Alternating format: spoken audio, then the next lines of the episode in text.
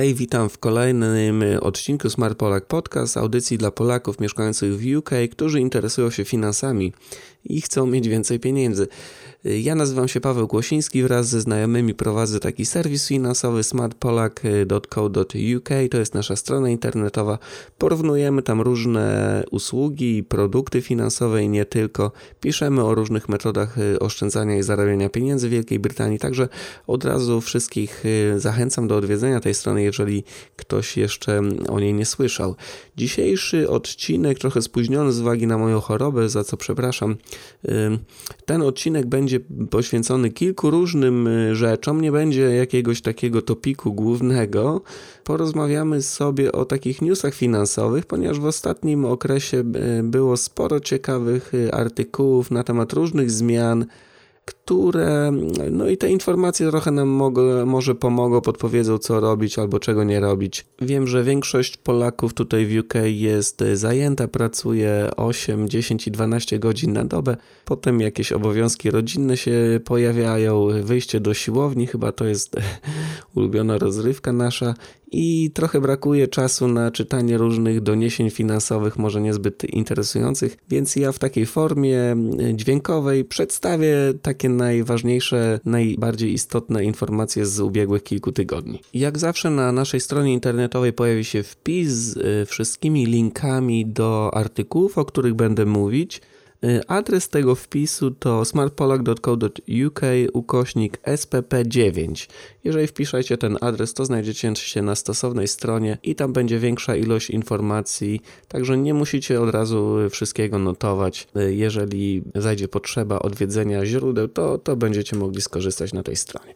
Pierwszy news y, dotyczy płatności kartami zbliżeniowymi. Y, jeżeli takie macie, to mm, do tej pory mogliście kupować y, towary i usługi do wartości 20 funtów. Y, chyba nie wszyscy wiedzą, że od 1 września, przepraszam, to się zmieniło. Y, ta kwota została podwyższona do 30 funtów. Oczywiście jest tutaj mowa o transakcjach, y, przy których nie trzeba wpisywać PIN-u. Jeżeli coś jest droższe, no to możemy również tą rzecz kupić, tylko musimy wpisać PIN. Podejrzewam, że ten sposób płatności staje się coraz bardziej popularny i stąd ta zmiana. Chociaż ja trochę się sparzyłem na, na tych płatnościach bezdotykowych. Ktoś jakiś czas temu zeskanował mi taką kartę jakiś oszust i na koncie pojawiło się kilka takich transakcji nieautoryzowanych na kwotę chyba około 300 funtów. Na szczęście bank oddał mi pieniądze, ale od tej pory staram się nie używać takich kart. No być może jest to, jest to jakieś głupie uprzedzenie z mojej strony, może one są jednak bezpieczne.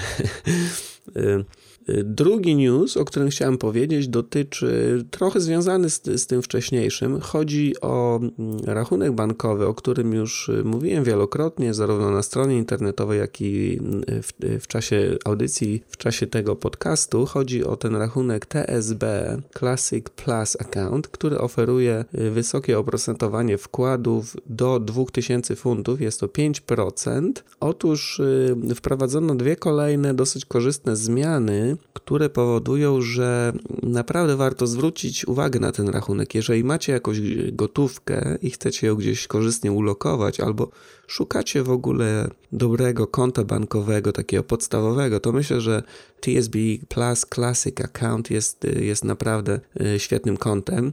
Te dwie zmiany to Pierwsza zmiana dotyczy właśnie płatności kartami zbliżeniowymi. Jeżeli mamy to konto i mamy kartę do niego, to otrzymamy cashback za płatności zbliżeniowe. Nie jest może to duży cashback, bo on wynosi 5% do pierwszych 100 funtów wydanych w ten sposób. Oczywiście 5% od kwoty 100 funtów to jest 5 funtów i tyle co miesiąc możemy zaoszczędzić posługując się taką kartą. Nie jest to kwota zawrotna, jak, jak to zwykle bywa w takich wypadkach, ale słuchajcie, i tak przecież ktoś robi zakupy, więc jeżeli ma y, to konto w TSB i płaci tą kartą zbliżeniową, no to, no to może zgarnąć 60 y, funtów w roku, a jeżeli jego partner czy jej partner życiowy również ma takie samo konto, to już się robią oszczędności rzędu 120 funtów w każdym roku. No myślę, że, że rzecz przynajmniej godna uwagi, zwłaszcza jeżeli ktoś nie jest zadowolony ze swojego banku i szuka lepszego. Jest to pierwsza zmiana wprowadzona przez TSB, drugą jest uruchomienie specjalnego konta typu Regular Saver, czyli takiego, na które przekazujemy z głównego konta co miesiąc określoną kwotę pieniędzy. Maksymalnie w tym wypadku jest to 250 funtów i słuchajcie, te środki na tym koncie mm, oszczędnościowym również są oprocentowane 5% w skali roku.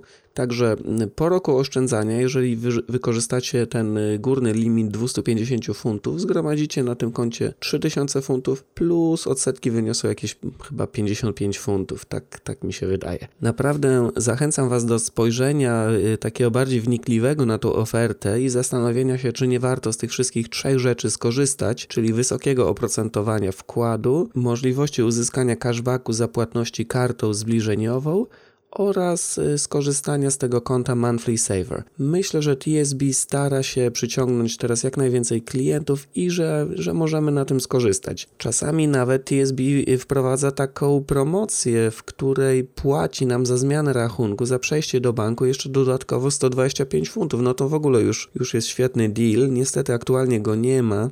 Y, trudno, trudno mi powiedzieć, czy, czy i kiedy on pojawi się znowu. Podejrzewam, że, że się pojawi, ale nawet bez, y, bez tego dealu jest, jest to naprawdę dobre konto.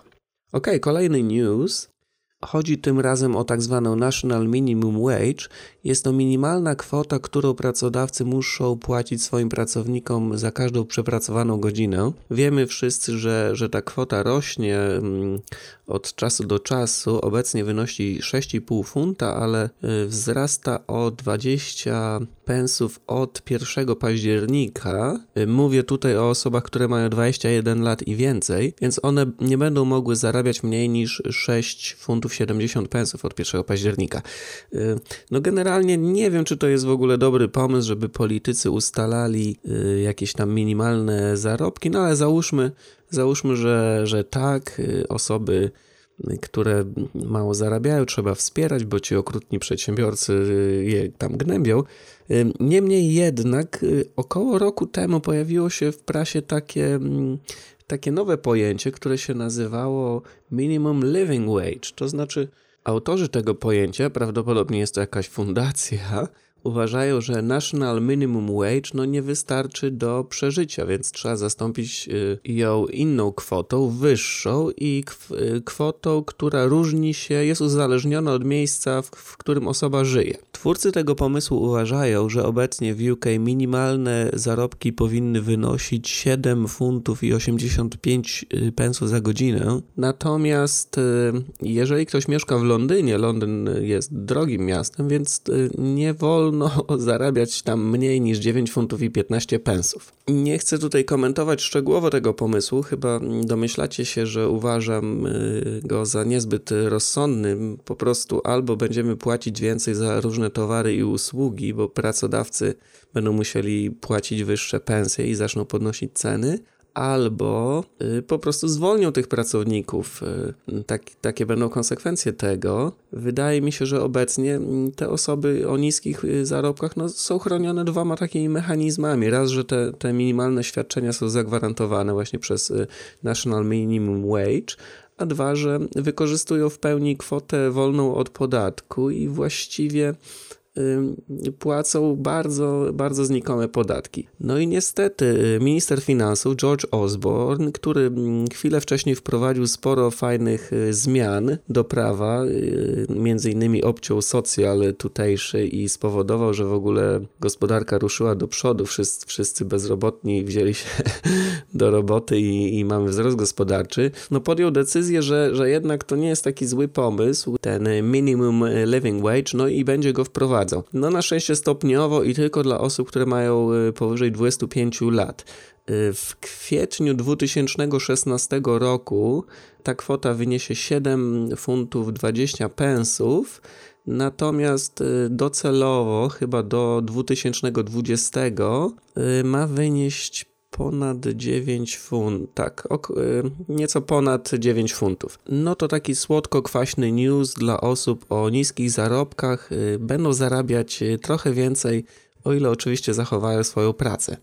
I tutaj zmieniamy mm, tematykę. Kolejne informacje na to dotyczyć będą tych baterii słonecznych, tak zwanych solarów tutaj z angielska, które, które na pewno widzicie na dachach wielu domów. Osoby, które planują instalację mm, tychże solarów na, mm, na dachu swojego domu, powinny się bardzo śpieszyć, ponieważ y, na styczeń jest zaplanowana duża zmiana w tak zwanej feed-in tariff.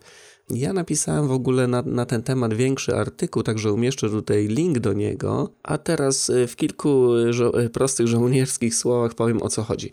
W 2010 roku tutaj rząd wprowadził taki program zachęcania i nagradzania osób, które właśnie zakupią y, te baterie czy tam panele słoneczne i je zainstalują na dachu swojego domu. Y, te pieniądze odzyskiwało się w formie cashbacku. Y, na początku te stawki były, były całkiem przyzwoite, co prawda instalacja była droższa, ale mogliśmy z powrotem odzyskać naprawdę sporo.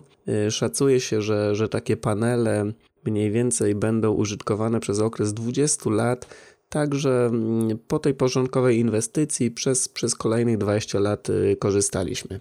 Na początku te warunki były, były całkiem przyzwoite, ale z uwagi na to, że koszty tych instalacji zaczęły spadać i pojawiły się też problemy z budżetem przeznaczonym na, na ten cel, ten odzyskiwany cashback zaczęto y, powoli zmniejszać. Na początku mogliśmy, właściwie otrzymywaliśmy 43 pensy za każdą, y, każdą kilowatogodzinę wyprodukowanej energii, ale w sierpniu 2012 roku y, zmniejszono tą kwotę dosyć drastycznie do niespełna 13 pensów. Jeżeli ktoś obecnie instaluje te panele, no to umówmy się, że jest to jeszcze, no taka inwestycja ma sens. Ja, ja robiłem takie proste wyliczenie, właściwie skopiowałem je z innej strony, z którego wynikało, że z, z, zwrot z takiej inwestycji wynosi około 3,5% powiedzmy. No to zależy oczywiście od, od lokalizacji, od kilku innych czyn, czynników, ale umówmy się, że, że jeżeli ktoś, ktoś ma kilka tysięcy funtów i, i kupił dom w UK, nie wie co z tymi pieniędzmi zrobić, no to pod pewnymi warunkami jest, jest to jakieś sensowne rozwiązanie.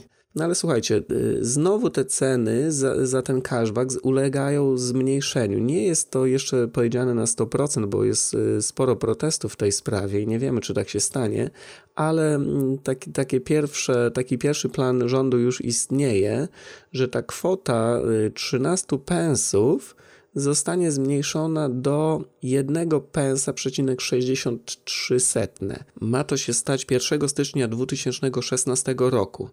Y, czyli jeżeli y, słuchający tego podcastu planują y, instalację paneli, no to gorący apel do nich, żeby się pośpieszyli, mm, żeby szybko skontaktowali się z, ze stosownymi firmami i załatwili tą rzecz do końca roku, bo wtedy będą otrzymywać jeszcze 13 pensów za każdą kilowatogodzinę.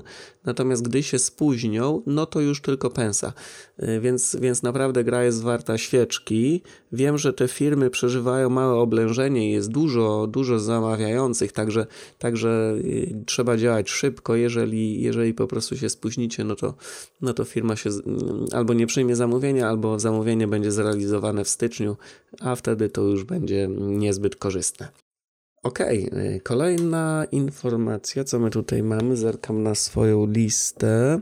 Y, podatki z tytułu wynajmowania nieruchomości. E, taka szybka informacja dla osób, które planują zakup nieruchomości, aby tą nieruchomość potem wynająć. E, no, chodzi po prostu o taki rodzaj inwestycji. Zmieniają się dwie rzeczy i są to zmiany mm, na niekorzyść tych landlordów, że się tak wyrażę. Pierwsza zmiana dotyczy takiego, to się nazywa wear and tear allowance Chodzi o to, że do tej pory można było 10% zysku z inwestycji odliczyć sobie na różnego rodzaju naprawy, na utrzymywanie tej, tej nieruchomości w dobrym stanie. Osoby, które posiadały nieruchomość i ją wynajmowały, nie musiały przedstawiać żadnych dowodów urzędowi skarbowemu, że rzeczywiście takie naprawy, jakieś tam zabiegi kosmetyczne miały miejsce, po prostu mogły skorzystać z tej ulgi e, automatycznie odpisać 10% od swoich zysków. Od kwietnia 2016 roku to się zmienia. Aby skorzystać z tej ulgi, trzeba będzie udowodnić urzędowi, że rzeczywiście ponieśliśmy jakieś koszty, czyli będziemy musieli przedstawić jakieś tam rachunki za, za rzeczy, które kupiliśmy albo za, za wyświadczone, wykonane przez kogoś innego usługi. Także jest to y, pierwsza mm, niekorzystna zmiana. Druga, bardziej poważna, y, wydaje mi się, polega na tym, że mm, no, do tej pory, jeżeli ktoś kupował nieruchomość, no to najczęściej korzystał z jakiegoś y, kredytu hipotecznego. No, trudno, trudno jest kupić, wydać, nie wiem, 150 tysięcy funtów z własnej kieszeni. Rzadko kto ma mm, taką gotówkę, więc zmuszony jest do pożyczenia pieniędzy z jakiegoś banku, powiedzmy i do tej pory mógł sobie koszty obsługi kredytu y, jak gdyby odliczyć od zysku i podatek był płacony y, wyłącznie od tego zysku z pominięciem tych dodatkowych kosztów. Żeby to jakoś zobrazować, może posłużę się takim prostym przykładem. Załóżmy, że ktoś wziął kredyt z banku i kupił nieruchomość i zaczyna ją wynajmować y, za powiedzmy 1000 funtów, złot, 1000 funtów czyli co miesiąc wpływa mu na konto 1000 funtów, natomiast no, musi spłacać ten kredyt. Ten kredyt niech wyniesie 500 funtów. Czyli y, zysk w każdym miesiącu wynosi 500 funtów. No i właśnie, mm, jeżeli ktoś płaci podatek, załóżmy 20% od, od tego zysku, to zapłaci 100 funtów miesięcznie podatku. Tak jest do tej pory, natomiast rząd wprowadzi prawdopodobnie taką zmianę i, i ta zmiana będzie jak gdyby rozłożona w czasie, czyli żeby nie było takiego strasznego szoku dla systemu. Ta zmiana będzie polegała na tym, że y, nie będziemy mogli sobie kosztu kredytu odliczyć od zysku. Czyli, no wróćmy do tego przykładu, Urząd Skarbowy w tej sytuacji będzie myślał, że 1000 funtów to jest nasz, y, oczywiście nasz zupełny zysk, czyli zapłacimy 200 funtów w tym wypadku podatku co miesiąc i nasze zarobki stopnieją do kwoty 300 y, funtów, bo pamiętajmy, 500 funtów y, płacimy za kredyt, 200 funtów podatku i z 1000 zostaje nam 300 funtów. No właściwie to sytuacja jeszcze nie jest taka e, tragiczna, ale istnieją e, osoby, które biorą znacznie większy kredyt. Niech to będzie 700 e, funtów w tej sytuacji. No okaże się, że ich zysk wynosi 300 funtów, natomiast muszą zapłacić 200 funtów podatku.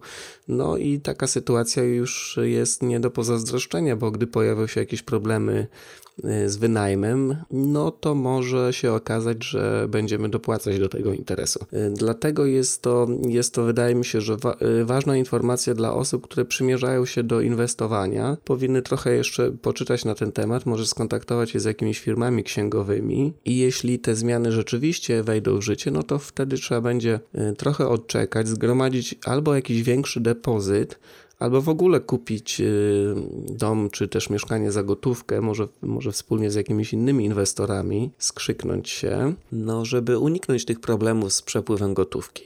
Y, ta zmiana, wydaje mi się, jest wywołana y, kolejnymi takimi głosami z rynku, które mówią, że młodzi ludzie w Wielkiej Brytanii nie mogą kupić domów, bo właśnie inwestorzy mm, mają tyle pieniędzy, że, że właściwie każda niemal nieruchomość już jest sprzedawana inwestorom i rząd stara się niejako tam zbalansować te, te siły. No może trochę jest w tym prawdy. Nie wiem, czy wiecie, że właścicielem co piątego domu w UK zdaje się jest y, landlord, a nie osoba w nim mieszkająca, więc na pewno tutaj jest, jest wielu inwestorów, no ale z drugiej strony, no to są rzeczywiste koszty tego biznesu, więc y, być może lepiej by było, gdyby w dalszym ciągu można było je odliczyć, ale to, ale to taka moja, moja mała wstawka. Chciałem po prostu poinformować osoby, które przymierzają się do inwestowania w nieruchomości w UK o tych proponowanych zmianach, żeby wzięły je pod uwagę jeszcze przed wzięciem kredytu i, i kupnem nieruchomości, no bo wtedy może okazać się, że ta cała inwestycja nie ma większego sensu.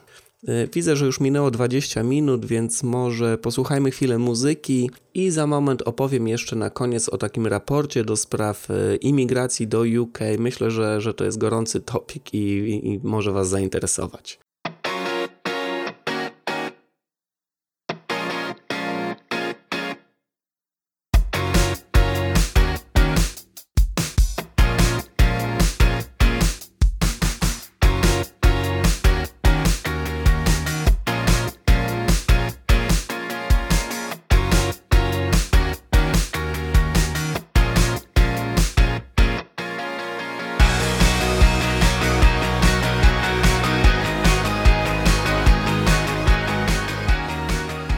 Ponownie.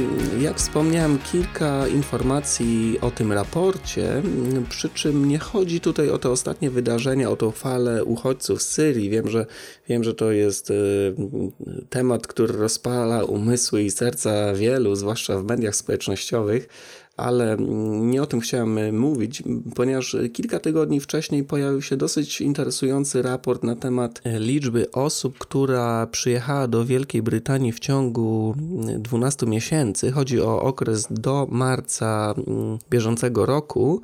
Y, możemy przeczytać, ile osób przyjechało, ile osób wyjechało, jakiej narodowości były te osoby. Myślę, że to są ważne informacje, które mogą nawet nam czasami pomóc w, w jakichś kwestiach finansowych albo w kwestiach y, w ogóle planowania swojego pobytu w UK, decyzji o powrocie, może decyzji o tym, czy starać się o brytyjskie obywatelstwo, albo jakoś y, w inny sposób uregulować swój pobyt tutaj.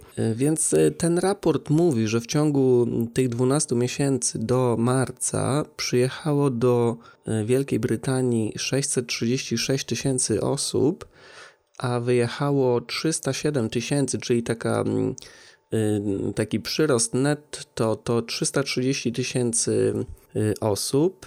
I jest to chyba rekord. Y, podobne liczby zarejestrowano w 2005 roku, czyli chwilę później, jak Unia Europejska rozszerzyła się o, o tych kilka państw. Y, było to 320 tysięcy, czyli, czyli w tym roku jest to 10 tysięcy więcej i świadczy o tym, że Wielka Brytania pozostaje miejscem nadal bardzo popularnym dla przybyszów. I właśnie nie tylko z, z Europy, ale z całego świata. Wiadomo, że Europejczycy tutaj stanowią większość. Z tego, co tutaj widzę, wynika, że niespełna 270 tysięcy przyjechało z Unii Europejskiej, czyli 60 tysięcy albo z państw europejskich, które nie są w Unii Europejskiej, albo z jakichś tam innych zakątków świata. I jeśli chodzi o tych napływających z Unii Europejskiej, to najwięcej było Rumunów, 170 tysięcy, natomiast Polacy stanowili drugą grupę, jeśli chodzi o liczebność. Y, przyjechało z Polski w ciągu 12 miesięcy, tutaj do czerwca, nie do marca, do czerwca 2015, aż y, ponad 120 tysięcy osób. Nie wiem, co sądzicie o tych liczbach. Wydaje mi się, że to całkiem sporo. 10 tysięcy Polaków co miesiąc wyjeżdża Y, z Polski, właściwie może z Polski wyjeżdża na dwa razy więcej, no 10 y, tysięcy trafia do Wielkiej Brytanii. Y, być może ta sytuacja gospodarcza, tak optymistycznie przedstawiana przez media w Polsce, no nie jest aż tak dobra, skoro aż, aż tyle osób decyduje się na wyjazd. No i właściwie to, to wszystko, co, co chciałem powiedzieć na ten temat. W tym raporcie jest jeszcze mm, znacznie więcej interesujących danych, y, takich bardziej szczegółowych. Możemy poznać, z jakich państw ludzie przyjeżdżają y, do UK, ile osób na przykład mieszkających w Wielkiej Brytanii urodziło się poza granicami y, państw. Także pozostawię również link do, do większego artykułu na ten temat. Gdyby kogoś to interesowało, to, to zachęcam do lektury. No i właściwie słuchajcie, to jest koniec, koniec tego, pod, nie tyle koniec podcastu, co koniec tych newsów, bo jak zawsze odpowiem teraz na kilka pytań, które nadesłaliście do nas drogą mailową. Przypominam, że nasz adres to y, info.smartpolak.co.uk y, i kilka z tych pytań było również zaczerpniętych z komentarzy, które za, y, umieściliście pod artykułami w naszym serwisie.